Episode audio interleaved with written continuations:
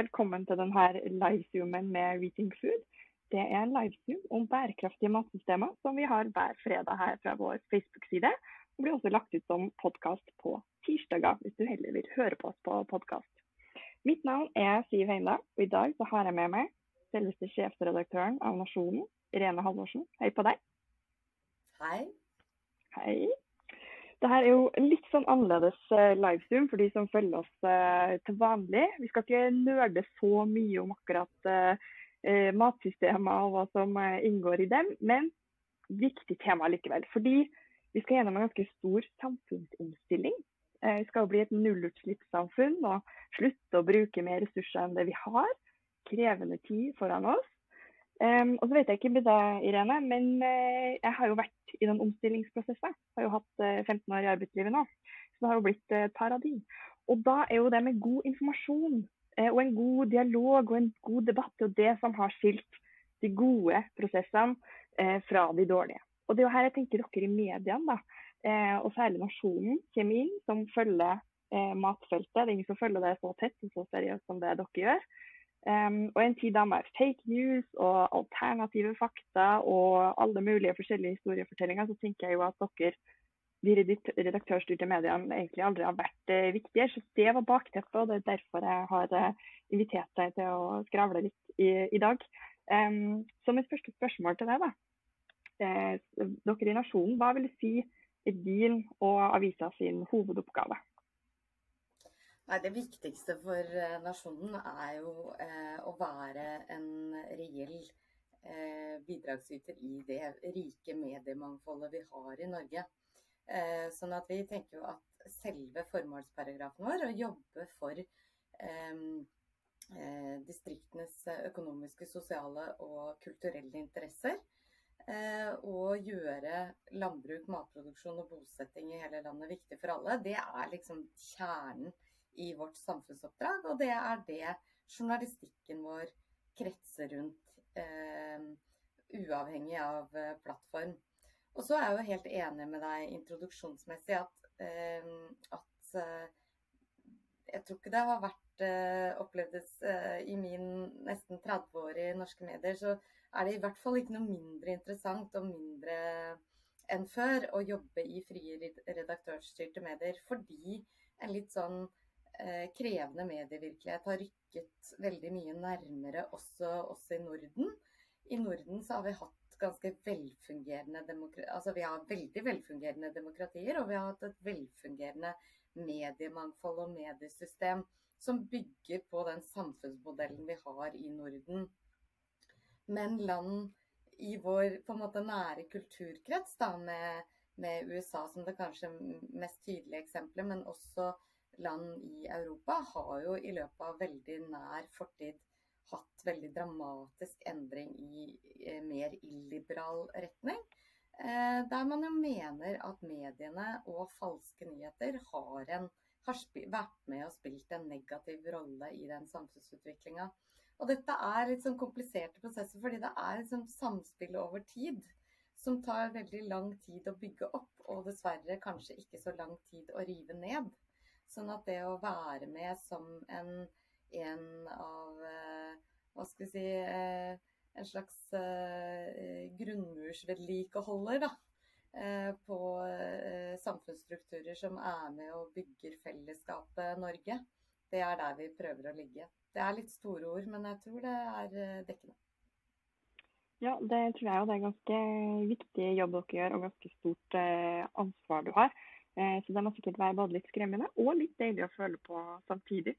Eh, men en av de tingene du nevnte, da, var at skulle, eh, dere skulle bl.a. gjøre matproduksjon viktigere for alle. Og det, dere i hvert fall lyktes med å gjøre det viktigere for en del flere. For dere vokser jo. Jeg får jo stadig opp poster på, på, Facebooken min hvor det står sånn hurra, vi vokser. Så jeg lurer på hvis du vil fortelle litt om, om hvordan dere jobber og hva dere gjør som funker. Da, som gjør at folk ja, kjøpe abonnementer og klikke på sakene og er villig til å høre.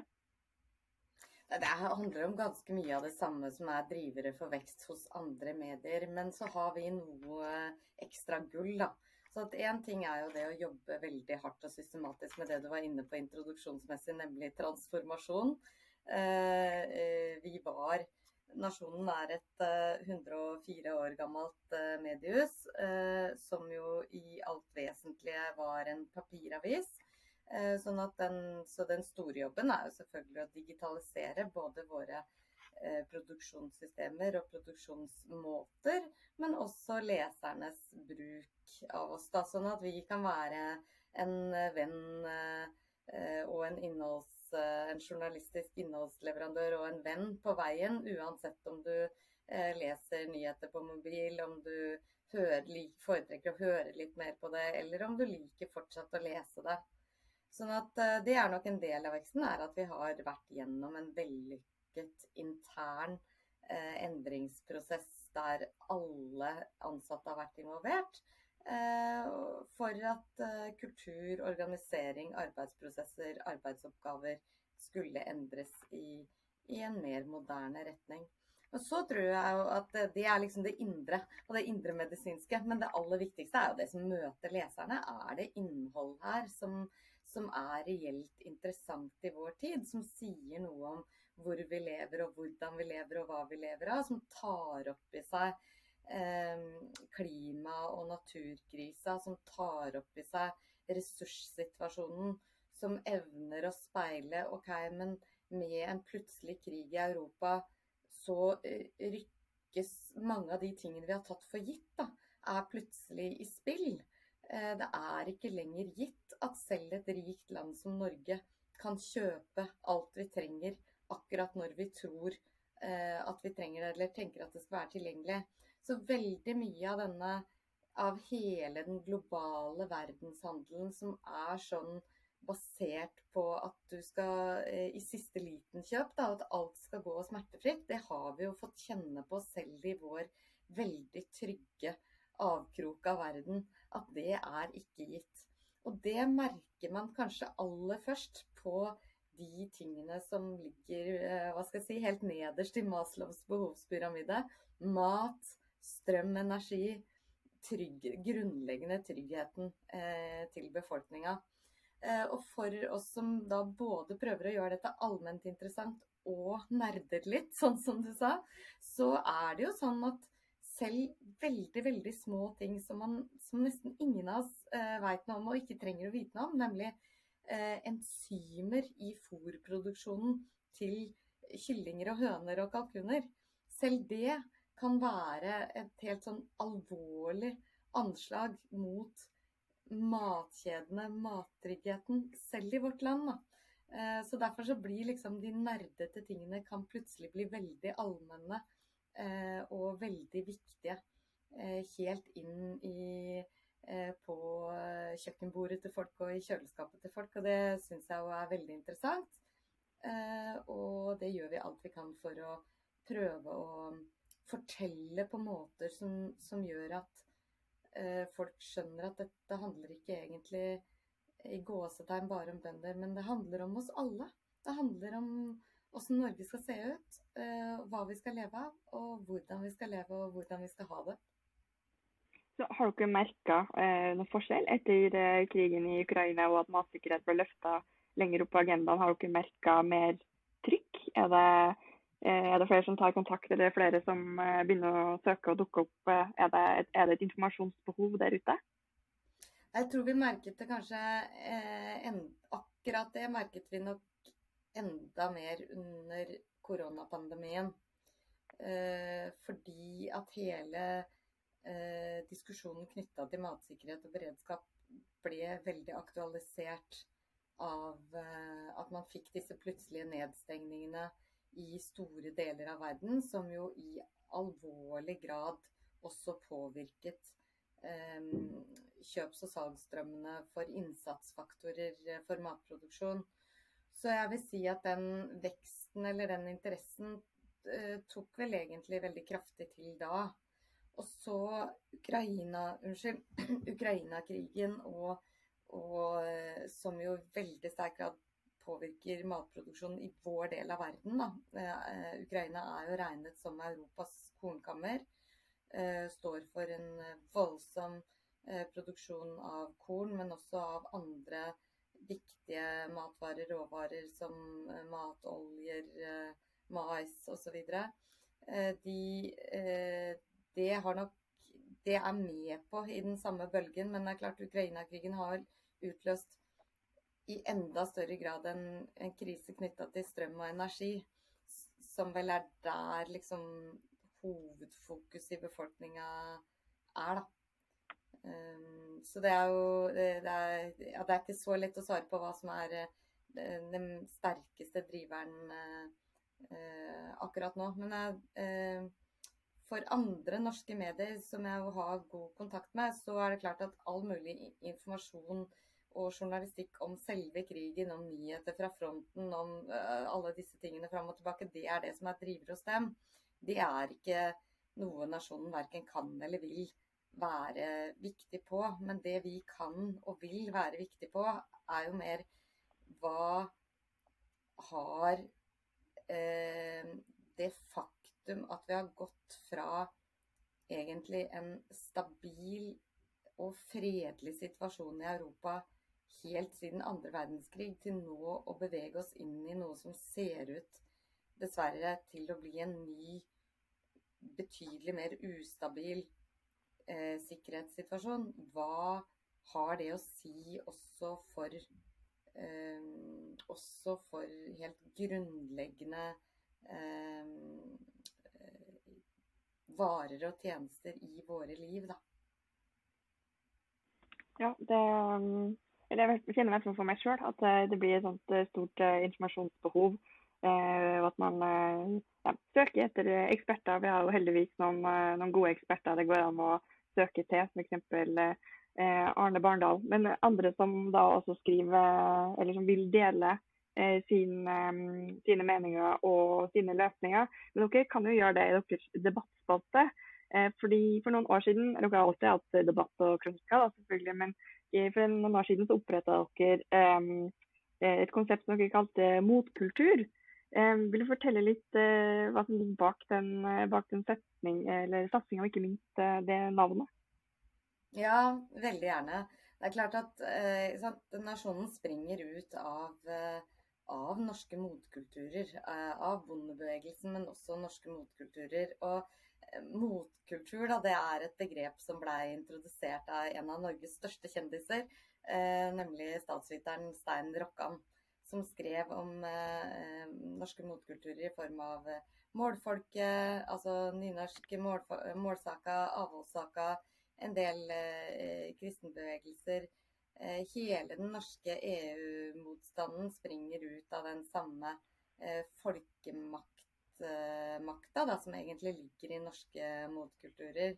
Og det er også i veldig sterk grad nasjonens uh, arv. Uh, sånn at da vi lanserte en uh, debattarena helt på tampen av vårt 100-årsjubileum i 2018, så var det et veldig interessant og naturlig navn for oss å ta. Fordi kjernen i nasjonsjournalistikk kretser veldig hardt rundt landbruk og matproduksjon. Men bredden i samfunnsoppdraget vårt eh, handler eh, jo i eh, både om landbruk og matproduksjon, men også om det liksom breiere bildet av folkemakt mot sentralmakt, som er en veldig liksom, del av nordmannens vis, da, om du vil. Og det er interessant, fordi den gode salige Stein Rokkan han spådde at norske motkulturer ville dø. Ehm, mens vi jo ser eh, med eh, vekslende virkninger gjennom ulike valg eh, og ulike Når ulike politiske samfunnstema kommer opp, så er, er norske motkulturer veldig sterkt til stede og lar seg vekke fra dvale både titt og ofte. Sa du Norges største kjendis? For jeg trodde det var Sofie Elise, men men, ja, ja, ja, Men for oss som har gått på universitetet, så tenker jeg, jeg tenker at Stein Rokkan og andre akademikere har eh, eh, bør løftes eh, fram i lyset igjen. Og eh, jeg møtte aldri Stein Rokkan, men jeg eh, har hatt gleden av å ha kontakt med, med folk som gjorde det. Er, så jeg har bl.a. fått historien om eh, da noen Fafo-forskere kom inn i en sånn kjempestor eh, sal med statsvitere og sosiologer fra absolutt hele verden. Eh, eh, og så, hvor det var masse interessante ting som skjedde på scenen. da. Og så, og så, plutselig så ble det tapping i mikrofonen, og så var det sånn Ladies and gentlemen, uh, I'm sorry to, to um, uh, take uh, liksom, Ta tak i, det, i temaet nå, men liksom Stein Rokkan has just entered the building. og så ble det stille, og så snudde alle seg. Så jeg tror at alle som er interessert i norske motkulturer, og, og hvor det egentlig kommer fra, at Norge har stemt nei til EU Eh, både, eh, ja, både på 70-tallet og 90-tallet, de bør eh, lese Stein Rokkan og få igjen den følelsen av, av, å bli analysert på ekte akademisk vis. Ja, det er lesetips for de som trenger å gjøre noe i helga. Men jeg synes jo, for jeg liker jo godt å følge med på på motkultur og de tekstene som, eh, som kommer inn der. Hva, hva, er det som er For dere får jo se alt, vi får jo bare se det som er på trykk. Men hva er det som er, eh, hva, hva, er, det som er de store motkulturene? Hva er det folk, eh, folk flest, eller de aller fleste skriver inn og, og har noen meninger om? Oi, der mista vi eh, Irene. Det var, det var litt rart. Skal vi se om hun dukker opp igjen, eller om eh, eller om vi blir sittende her.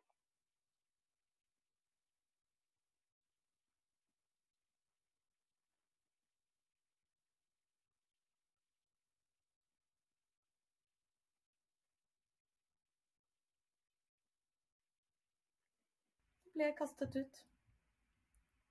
Jeg beklager, jeg ble kastet ut. Nei, altså det, De klassiske norske motkulturene er ikke det som brenner hardest på vår debattarena nå. Eh, så med den krigssituasjonen som vi står i, og med den svært eh, alarmerende kostnadsspiralen som alle nordmenn står i, men ikke minst norske bønder og norske matprodusenter, så er det, så er det eh, den tematikken som går tyngst eh, i våre debattflater eh, nå, og ikke klassisk eh, motkultur. sånn at hvis man leser Nasjonen, som jeg vil anbefale alle å gjøre, Eh, nå så vil du se at eh, både diskusjoner knytta til eh, muligheten for faktisk å dyrke jorda over hele landet og leve av det, er nok det den tematikken som går aller tyngst hos oss nå. Så er det også heldigvis positivt for oss, da, både når det gjelder debatt, men også nyhetsstoff og reportasjer. Så leses bl.a saker knytta til klima og bærekraft. Hvordan kan vi drive eh, både landbruket, men også næringslivet nedenfra mer bærekraftig enn i dag. Eh, og da er vi jo litt inn på det du starta med. ikke sant? Hvordan, hva er drivere for endring, og hva, hva kan være en, en um, vellykka transformasjon? Da? Hva, hva må til for at vi som enkeltindivider og som folk og som samfunn kan gå eh, inn i ei tid der vi eh, lever i eh, større samspill med naturen og ikke misbruker den? Ja, for Vi går litt inn, eh, inn i den eh, tematikken her nå. Um, Eh, for det er jo, Jeg leste jo i sommer nå at nordmenn topper europalista over de som ikke tror på menneskeskapte klimaendringer. Og at det trolig da henger sammen med sikkert at et stort oljeproduserende land. Men med, med det i bakhodet, at vi, vi er litt, tydeligvis litt skeptiske av oss, samtidig som vi har veldig tiltro til både media og, og vår eget styresett. Hvordan, hvordan er det dere jobber med, med klima- og bærekraftjournalistikken i, hos dere? Er det, er det, noe som ligger langt der framme i pannebrasken? Ja, det gjør det. Hvis jeg bare kan få si noe om den undersøkelsen først. For jeg har også lest den undersøkelsen og ble veldig uroa av den. Og så har den noen statistiske utfordringer. Den undersøkelsen jeg er ikke overbevist om at den egentlig er eh, dekkende. Men jeg tror vi skal ta klimaskepsis Eh, på høyeste alvor, fordi det er eh, altså det hele, Da er vi inne på alt knytta til fake news og mistro til, mistro til eh, vitenskap, da. Som er utfordrende for oss alle, både politikere og, eh, eh og hva skal jeg si, samfunnsborgere. Så det skal jeg absolutt ta på alvor. Og så er jeg usikker på om, om det er så dårlig fatt som de tallene skulle tilsi. Men, men, over til selve spørsmålet, så er det sånn at det er ikke nasjon, altså nasjon, det er ikke vår rolle å gjøre Norge klimanøytralt. Men, men medier har en helt medier, nasjonen inkludert, har jo helt opplagt en, et ansvar og en rolle knytta til hvordan vi eh, presenterer eh, nyheter, og hvordan vi kommenterer og, og debatterer eh, den type samfunnsspørsmål. Og da utfordrer jo det litt grunnleggende forutsetninger i redaktørplakaten og Vær varsom-plakaten, bl.a. som er det etiske regelverket for frie redaktørstyrte medier. Fordi at ulike syn skal komme til orde i en løpende samfunnsdebatt. Men så er det jo ikke sånn at alle meninger og alle syn er like riktige eller skal veie like tungt. Sånn at eh, det kan bli en såkalt falsk balanse. Så at vi legger til grunn at, eh, at eh, det er godt dokumentert nå at klimaet endrer seg, og at det endrer seg i vesentlig grad pga. menneskets atferd. Så det må liksom ligge til grunn i vår journalistikk. Eh, og så er det jo sånn at for bønder, da, som er en veldig stor del, og tidligere bønder, som er en veldig stor del av vår lesemasse, så er de helt i front. De er førstelinjen globalt i klimaendringene. Eh, de er helt avhengige av eh, at klimaet er noenlunde stabilt for å kunne produsere mat til deg og meg. Sånn at eh, når klimaet endrer seg så dramatisk som det gjør nå, i enda større grad i andre land enn vårt. Men også her så påvirker det vår evne til å brødfø verdens befolkning. Og det er dypt alvorlig. Så det er et uh, spørsmål som er superinteressant. Eh, selvfølgelig med liksom tunge skyer bak, men det, i enhver krise så ligger det jo også noen muligheter. Og for Norge så er det sånn at det faktum at vi faktisk har tilgang på rent vann, som veldig store deler av verden ikke har, og i stadig økende grad ikke har, ja, det er et komparativt fortrinn. Det burde vi utnytte. Og vi så det under tørkesommeren at det å ha landbruk i hele landet, ja, det er veldig viktig for vår produksjon og for vår matsikkerhet. Fordi når det blir ekstremtørt i deler av landet, så kan grasproduksjonen, fôrproduksjonen og grønnsakproduksjonen kanskje gå som normalt, eller til og med være bedre andre steder i landet. Sånn at det å opprettholde eh, og helst styrke eh, små og mellomstore bruk i tillegg til store, altså drive stort og effektivt der du kan, og smått eller mindre der du må, og forsvare eh, matproduksjon bærekraftig sådan over hele landet. Det kan være en veldig, veldig viktig del av norsk beredskap og sikkerhet. Og da har det betydning også nordisk og globalt, fordi hvis vi kan redusere vår bruk av innsatsfaktorer, av fòrressurser og mat fra utlandet, sånn at, folk, sånn at andre deler av verden der det er for lite mat, eller det er fattigere, at de kan få bruke mer eh, av sin energi og sitt areal til å produsere, produsere mat til egen befolkning, ja, det kan bidra fredsskapende, trygghetsskapende og få grunnleggende matsikkerhet også i andre deler av verden. Så dette er et skjørt, skjørt system som vi har trodd, tror jeg, i mange år at vi kan kjøpe oss ut av. Og som jeg tror stadig flere merker at hm, kanskje ikke det er så enkelt. Kanskje dette er Eh, eh, at vi må tenke større, da. Eh, og at det som framstår som effektivt økonomisk, kanskje rett og slett ikke er det, fordi at alle faktorene ikke er med i det regnearket. For de, tingene du drar opp der nå, er jo er kjempeviktige. Og det er jo ikke bare viktig at landbruket sjøl eh, snakke om de tingene. Men at også at resten av samfunnet eh, får være med på den argumentasjonen. Eh, og det der eh, har litt eh, hjertesukk. For én ting er at eh, næringa skal gjennom en omstilling, eh, men resten av samfunnet skal også skal jo skal alle være med på den. og hvor viktig da landbruk og matproduksjon eller de fornybar, biologiske fornybare ressursene da, er viktig, nettopp pga. de tingene du sa.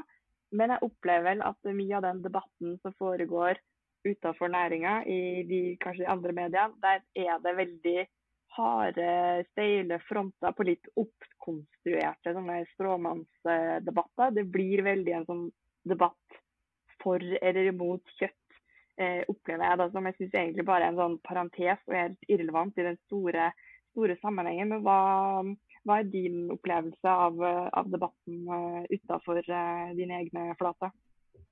Jeg tror det gjelder å holde høyden, holdt jeg på å si. Jeg tror det gjelder å holde blikket litt lenger fram.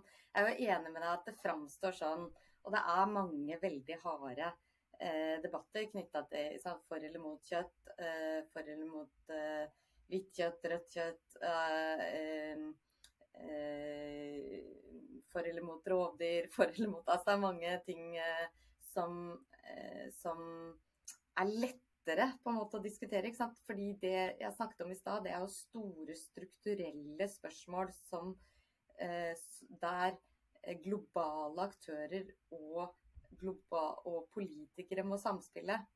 Eh, og jeg tror at det vi i mediene kanskje best Vår største og viktigste rolle er kanskje å klare å bygge en slags bro da, mellom de, eh, eh, mellom de store strukturelle spørsmålene og hva betyr det for deg og meg? Hvordan kan vi agere som bidrar i riktig retning? Eh, eh, og så gjelder det å huske på at eh, verden tross alt er bedre i dag enn den var for 10 eller 20 år siden. Og at færre mennesker lever i sult og nød i dag enn for 10 og 20 år siden. Og at til tross for Ukraina-krigen og til tross for en større sikkerhetstrussel nå, så er den likevel lavere enn under den kalde krigen. Så bare liksom holde høyden litt da, eh, i blikket.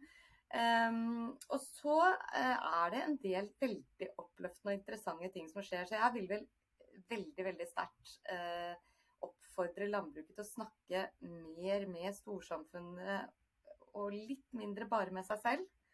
Um, og det er ikke mer enn en liten uke siden jeg var på et uh, frokostseminar som var arrangert av Universitetet i Oslo uh, ved Medisinsk fakultet, som hadde en frokostdiskusjon som kunne vært organisert av landbruket sjøl. Og nå er det 400 eksperter fra Norden som sammen jobber med helt nye ernæringsmål, eksempelvis. Dette er bare en bitte liten flik, altså. Men det er klart at når de, når da medisinere og leger nå sitter og diskuterer ja, kanskje eh, vi i Norden skal ha andre eh, ernæringsmål enn de skal ha i andre deler av verden, fordi det må samspille med bærekraft i matkjedene, ja, da har vi kommet veldig mye lenger. Eh, på tross alt ganske kort tid. Så det vil jeg si var eh, inter veldig interessant å følge. Um, og så tror jeg også sånne ting som liksom som tidligere er det nesten bare innerst i landbruket man har vært opptatt av det. Sånne ting som kornlagre f.eks. Um, nå står det en kjempestor strid knytta til en enorm kornsilo i Stavanger. Som jo eh, er eh, egentlig omregulert eh, og tiltenkt å bli en kunstarena. Ja, eh, det var kanskje smart tenkt for tre år siden. Med dagens nye geopolitiske situasjon og en større forståelse av matsikkerhet i både nasjonalt og globalt perspektiv. Jeg er ikke mot kunst i det hele tatt, elsker kunst. Men kanskje korn, liksom, korn og kornlagring må få lov til å være der eh, det er. Og så kan vi bygge fantastiske kultur- og kunstbygg i tillegg. Mm. Andre steder, ikke matjord. Eh, men jeg må stille et spørsmål, for eh, tida, tida vår begynner å gå ut. Men jeg må stille et siste, litt ledende spørsmål. Eh, og det er jo da når eh, bærekraft skal gå inn i kostholdsrådene våre. Da er spørsmålet mitt eh, om eh, det å skal nå målene i både Parisavtalen og biodiversitetsmål, bærekraftsmål osv., er det da også mediene sitt ansvar? Vil du si det? Uh, jeg tror ikke jeg skjønte spørsmålet. Er det medienes ansvar at Mediene skal også være med, da, uh, for at vi alle sammen skal være med og nå Jeg vil koble det litt opp til denne eh, omstillinga og viktigheten med informasjon osv. Ja, jeg tror, ikke, liksom, jeg tror ikke jeg som nasjonredaktør eller redaktør generelt kan ta et ansvar for hva folk spiser, men vi kan ta et ansvar for hvordan vi skriver og forteller om konsekvensene av ulike typer eh, politikk og ulike typer valg, da, og at de tingene henger sammen. Men igjen, sånn som vi snakket om, da, så er det, er det mange sterke meninger i, eh, forhold til hva du skal ha på tallerkenen. Og det er mange hensyn å ta for å vurdere hva som egentlig er mest bærekraftig. Eh, ikke sant? Da, det er da jeg har utfordra, eh, og nasjonen har utfordra både eh, matvaregigantene, men også, også, klimaforskere. Fordi hvis man bare i gåsetegn ser på et rent klimaperspektiv, så er det ikke sikkert at man eh, snakker fram det som er bærekraftig i både sosialt, økonomisk og med utgangspunkt i norske ressurser-perspektiv. Eh, så tror jeg at nordmenn flest ikke har noe vondt av å spise litt mindre kjøtt, eh, og at vi, vi kan ikke være en sånn eh, Eh, det kan ikke vokse inn i evigheten. Og Norge kan jo også produsere både mer korn og mer grønt enn vi gjør i dag. Eh, men at vi eh, er et grasland i stor grad, i større grad enn veldig mange andre land, sånn at kjøtt, særlig av beitende dyr, fortsatt vil være en sentral del av nordmenns kosthold for at det også skal være bærekraftig, det tror jeg nok. Det tror jeg òg. Vi får sette strek der. Tusen takk for praten, Irene. Og da blir oppfordringa les Nasjonen og les Stein Rokkan. Det er der vi avslutter i dag. Ha det bra. Så bra. Ha det godt.